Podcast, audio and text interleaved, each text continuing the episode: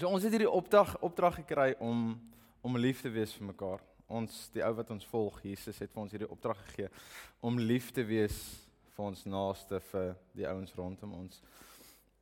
En ons gemeente se se lees is daar agter groot gebasyn op 'n manier op op op 'n muur is om soos 'n stad op 'n berg God se liefde te reflekteer aan mense wat dit nodig het. So my vraag is oggend hoe hoe is dit om om lief te wees? Wat beteken dit om lief te wees vir iemand? Is dit om om daai warm gevoel teenoor iemand te hê? Is dit om 'n goeie handdruk vir iemand te gee? en binne jou vloek hierdie ou of is dit net om vriendelik te wees en warming en vol vreugde en joy en en jy wys liefde vir mense. Dis baie goed. Liefde is nie net een aspek wat jy doen nie. Liefde is nie net een dingetjie wat jy gee of doen vir iemand nie. Vanoggend wil ek praat oor een spesifieke gedeelte. En dit is om lief te wees soos wat Jesus dit vir ons van ons verwag soos wat Jesus lief was vir ons, beteken dit ons gaan moet vergewe soos wat hy vergewe het. En ek wil jou vanoggend vra dat jy jou hart sal oopmaak vanoggend. Nie vir my nie. Nie vir die ou langs in jou noodwendig nie. Om jou hart oop te maak van hierdie is vir my 'n moeilike topik. Dis nie maklik nie om vir iemand te vergewe, vry te spreek dis moeilik. So vanoggend vra ek vir jou, maak jou hart oop, daar waar jy sit, maak dit oop vir God om te kom werk, om te kom skuur, kom skaaf. Al sit jy nog met kwaad binne jou, maak jou hart vir hom oop dat hy kan werk vanoggend. En ek wil sommer net so bid. Here, elkeen wat vanoggend hier wat hier sit, Here.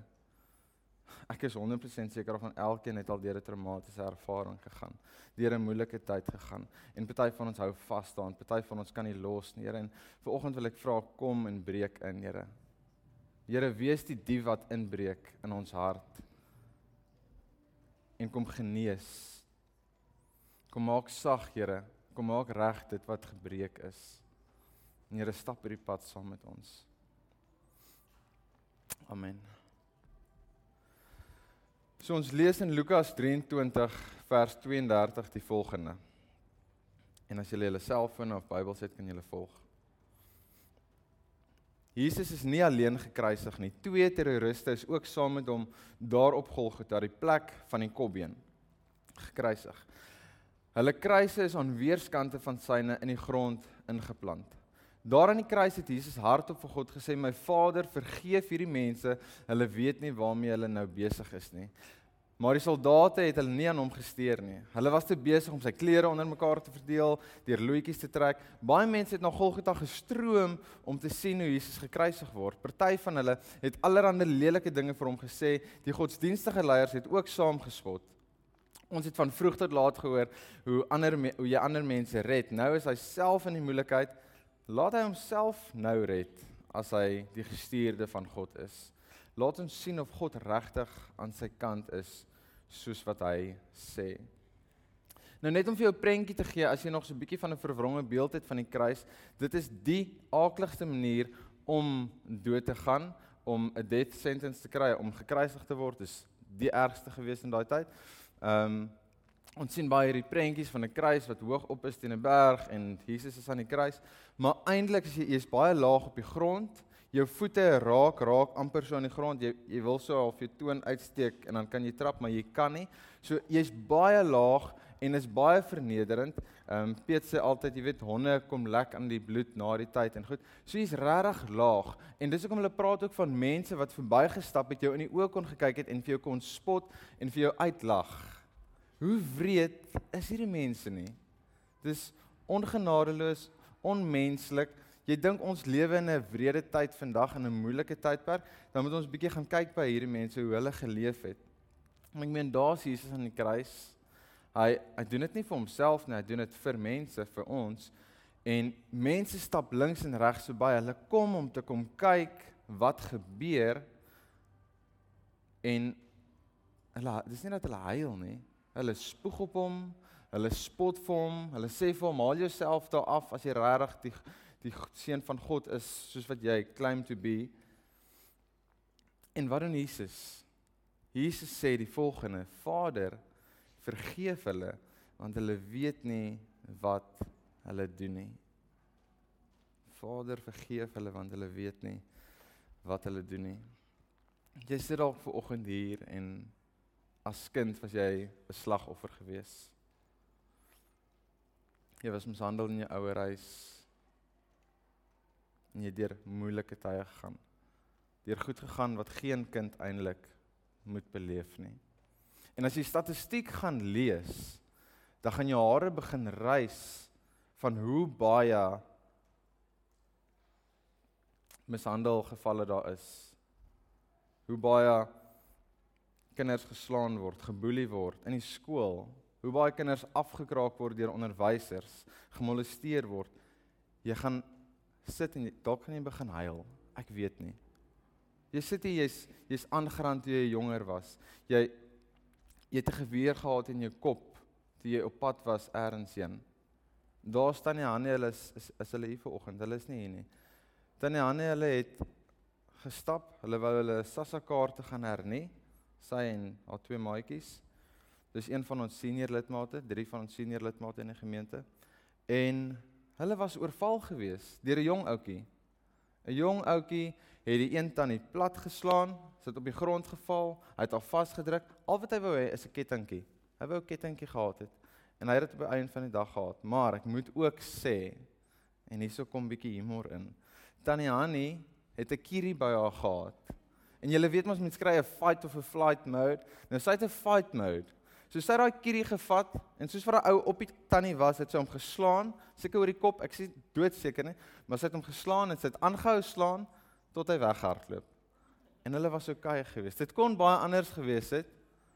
Maar hoekom moet ons deur dit gaan? Hoekom moet 'n 80-jarige tannie haar lewe vrees as sy so iets gaan doen?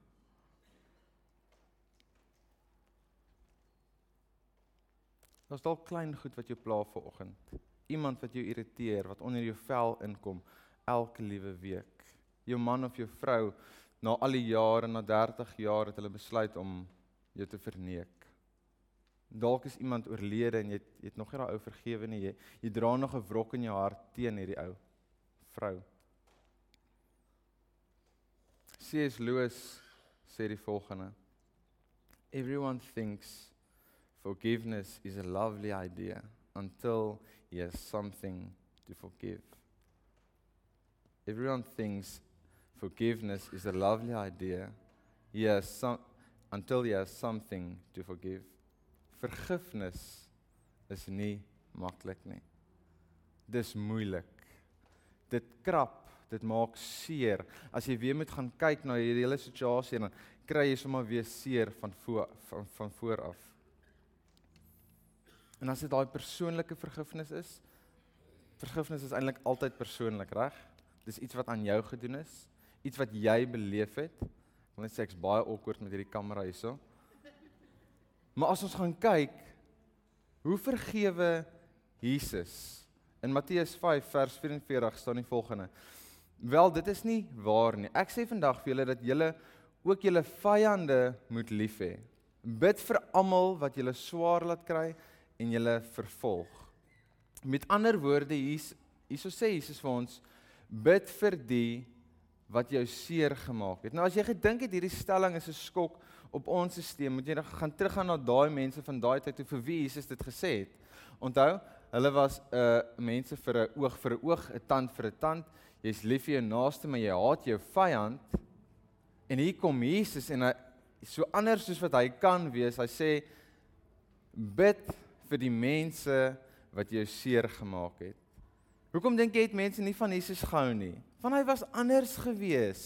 Hy het hulle stelsel heeltemal onderste bo kom gooi. Mense sê, jy weet, gooi hierdie ou met klip as hy sondig. Jesus sê nee, gooi jy eers die klip as jy nie nog nie gesondig het nie. Jesus het bietjie alles onderste bo kom draai. Hy sê bid vir jou vyand.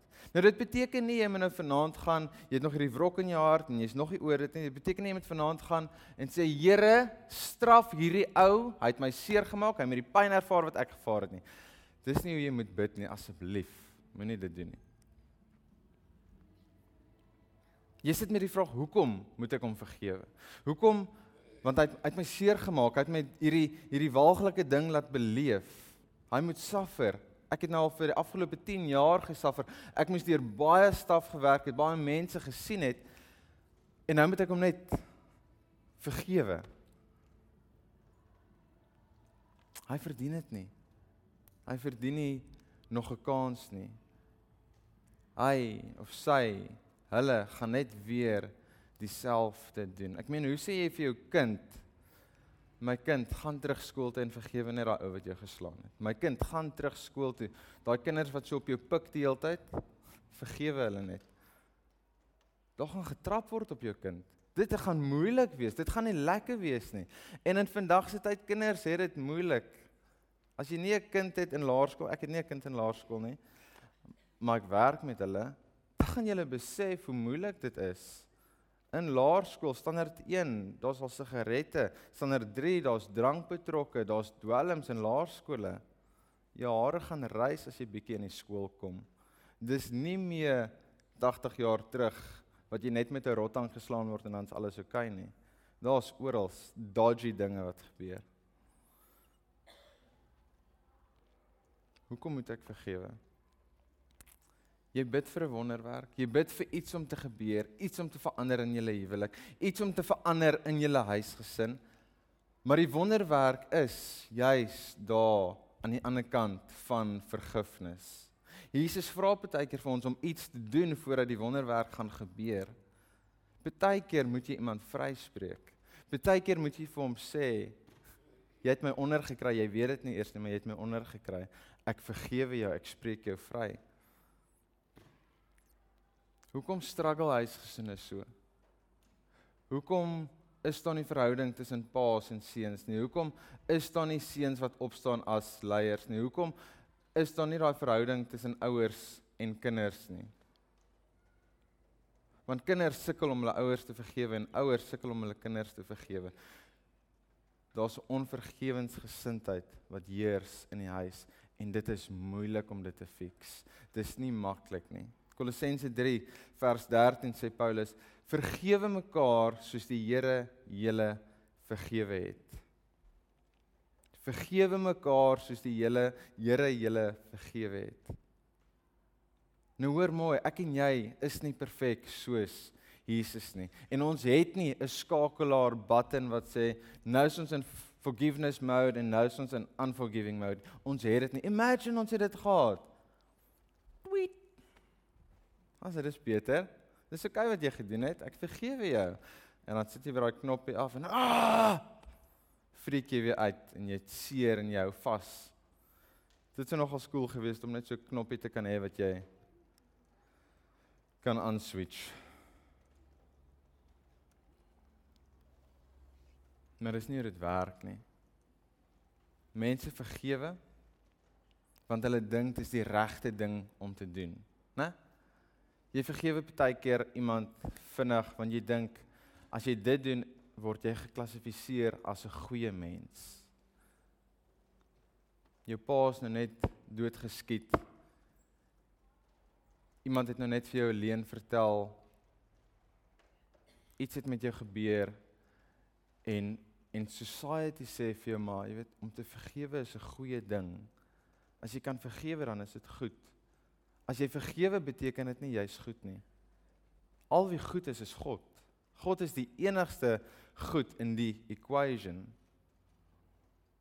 En die tweede rede hoekom mense baie keer vergewe is as gevolg van peer pressure. Mense sê net kom aan, kom oor dit, doen dit, vergewe net, dan kan ons almal weer lekker saam gel en klik en saam sit en kuier. Vergewe net, kom oor jouself. En dan dink jy, ag, okay, vergewe. Vergewe. Ek's oor dit. En die derde enetjie Ons dink baie keer vergifnis is hierdie kort pad na genesing. Dat hierdie groot ding met jou gebeur en jy weet as jy gaan vergewe gaan dit reg wees. Jy gaan oukei okay wees. En jy dink kom ons vergewe net, ons beweeg aan. Ons gaan aan met ons lewe. Daai ding is iets van die verlede En 10 jaar later sit jy nog steeds met daai serie binne. Jy sit nog steeds met daai worstelinge van dit wat gebeur het 10 jaar terug. Jy wys nog steeds vinger as gevolg van dit is dit hoekom ek hier sit vandag. As jy iemand vergewe sê vir die persoon die volgende: Ek weet wat jy gedoen het. Ek erken ten volle dit wat jy gedoen het aan my in ons huisgesin. Ek weet wat jy gedoen het. En dit seer. Elke liewe dag is dit seer, maar dis ook nie okay wat jy gedoen het nie. Glad nie. Dis verkeerd, totaal en al. Maar ek vergewe jou ten spyte daarvan. En ek weet in dit dis nie wie jy is nie. Jy is 'n beter mens as dit. Hier diep binne is daar iemand beter. Dis wat vergifnis is. En môre gaan jy net beter voel nie. Dit gaan nie net weg wees nie. Jou verlede gaan nie verander het nie. Dit gaan nog steeds daar wees. Daai ding wat gebeur het met jou is nog steeds daar en jy's nog steeds geskaar en en dis oukei, okay, maar jou toekoms gaan beter lyk as jy daai stappie geneem het van vergifnis. Jou verlede bly dieselfde, maar jou toekoms kan drasties verander. Vergifnis maak vir my vry. Vergifnis maak vir jou vry. Nie vry van dit wat met jou ma of jou pa of jou ouma gebeur het nie. Vergifnis maak jou vry van dit wat met jou gebeur het. Dalk het iemand jou ma geslaan en jy het seer gekry in die situasie. Maar jy kan nie vir, vir iemand vergewe as gevolg van fisiese abuse dan nie. Dan vergewe jy vir hom vir die emosionele seer die seer wat jy ervaar het, die tyd wat jy verloor het as 'n pa, die tyd wat jy verloor het as gesin, daai is is die seer. En ek vergewe jou daarvoor.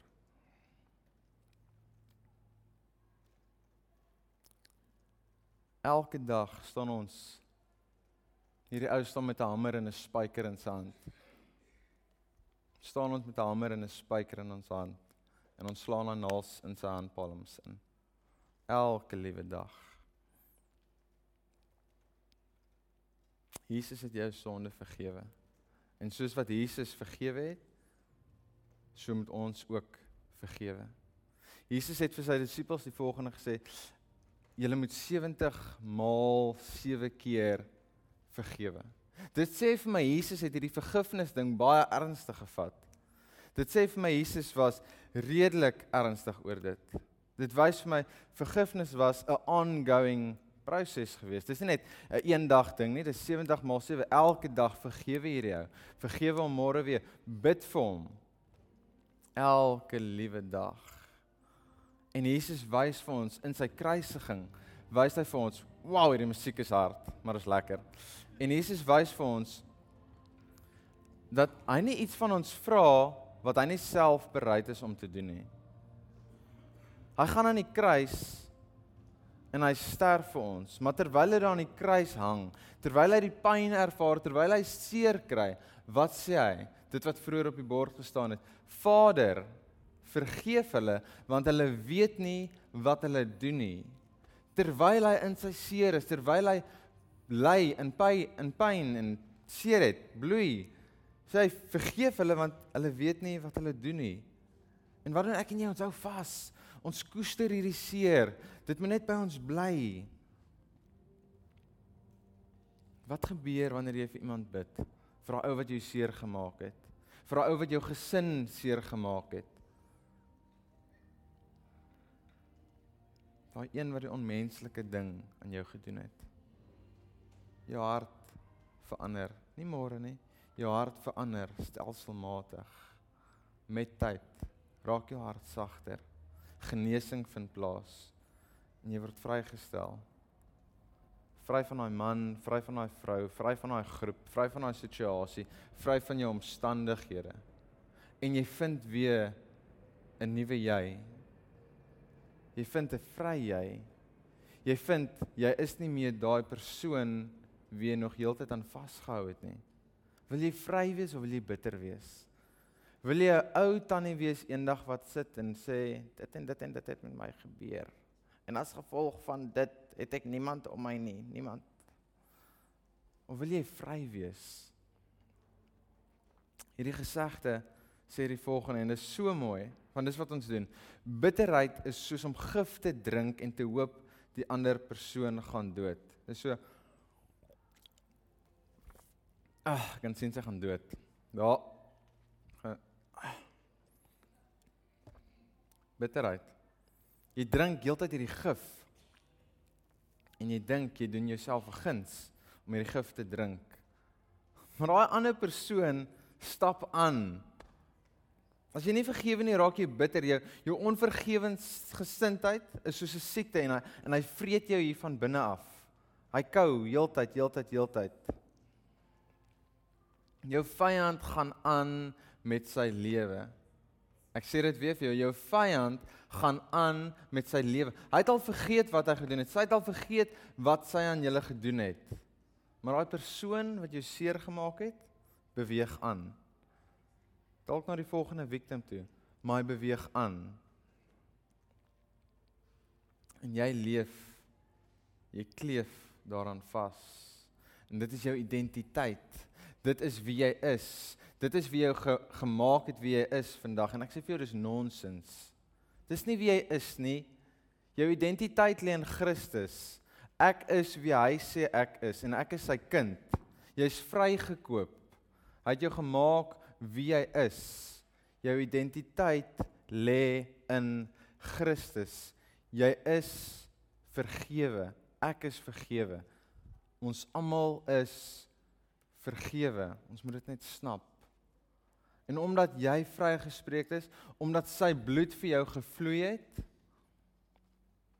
omdat jy sy kind is, omdat jou identiteit in hom lê, is dit vir jou moontlik. En dis alhoekom is dit vir jou moontlik dat jy vir iemand anders ook kan vryspreek. Hoe sê daai vroutjie sê dit so mooi in die begin.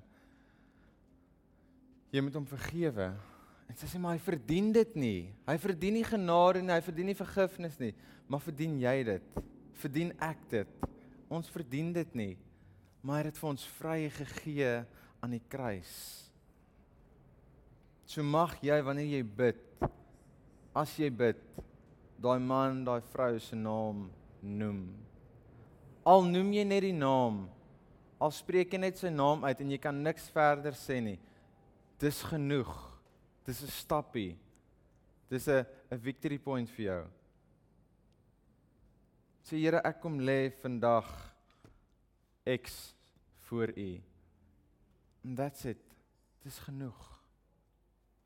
Mag jy die vryheid in sy vergifnis begin leef. En ophou soos 'n tronk vol sit in jou eie eie tronksel. Kom ons sluit dit oop. Here, ons sit ver oggend hierso. En dit is moeilik. Dit is vir my moeilik, Here. Hierdie boodskap en dit praat met my. En Here, ek vra dat U ons harte sal oopmaak. Here, U ken ons gedagtes. U weet waartoe ons gegaan het. U ken ons verlede en U ken ons toekoms. Here, ek vra verander nou hierdie pad vorentoe, Here. Help ons om vir ons vyand te bid. Help ons om deur hierdie moeilike goed te worstel. Stuur vir ons mense in ons pad met wie ons kan gesels wat saam met ons kan worstel. Here van ons hoef dit nie alleen te doen nie. U is met ons en mag ons dit altyd onthou. En ek wil sommer nou net hier vra as as daar iemand is vir wie jy wil bid, steek net jou hand op. Ons gaan nie sy naam noem nie. Steek net jou hand op as jy iemand in gedagte het. Here u sien elke liewe hand wat opgaan en u ken die mense aan wie hulle nou in hierdie oomblik aandink. Here ek vra vir vergifnis vir daai mense. Ek praat namens elkeen wat hier so sit, vra ek om vir daai ou te vergewe, Here. Om met daai ou te wees, Here. Seën hom. Seën vir haar, seën vir hulle, Here. Want hulle is ook u kinders en mag hulle ook tot die wete kom dat U almagtig is dat U koning is dat U ons pa is en dat U vir ons lief is U is lief vir hulle net soos wat hulle is maar Here ek bid in my hart dat U liefde vir hulle sal verander dat U liefde hulle harte sal verander en Here dat ons daai verandering sal kan begin sien Here kom doen iets hiersof. Kom doen iets. Ons bid dit in Jesus naam. Amen.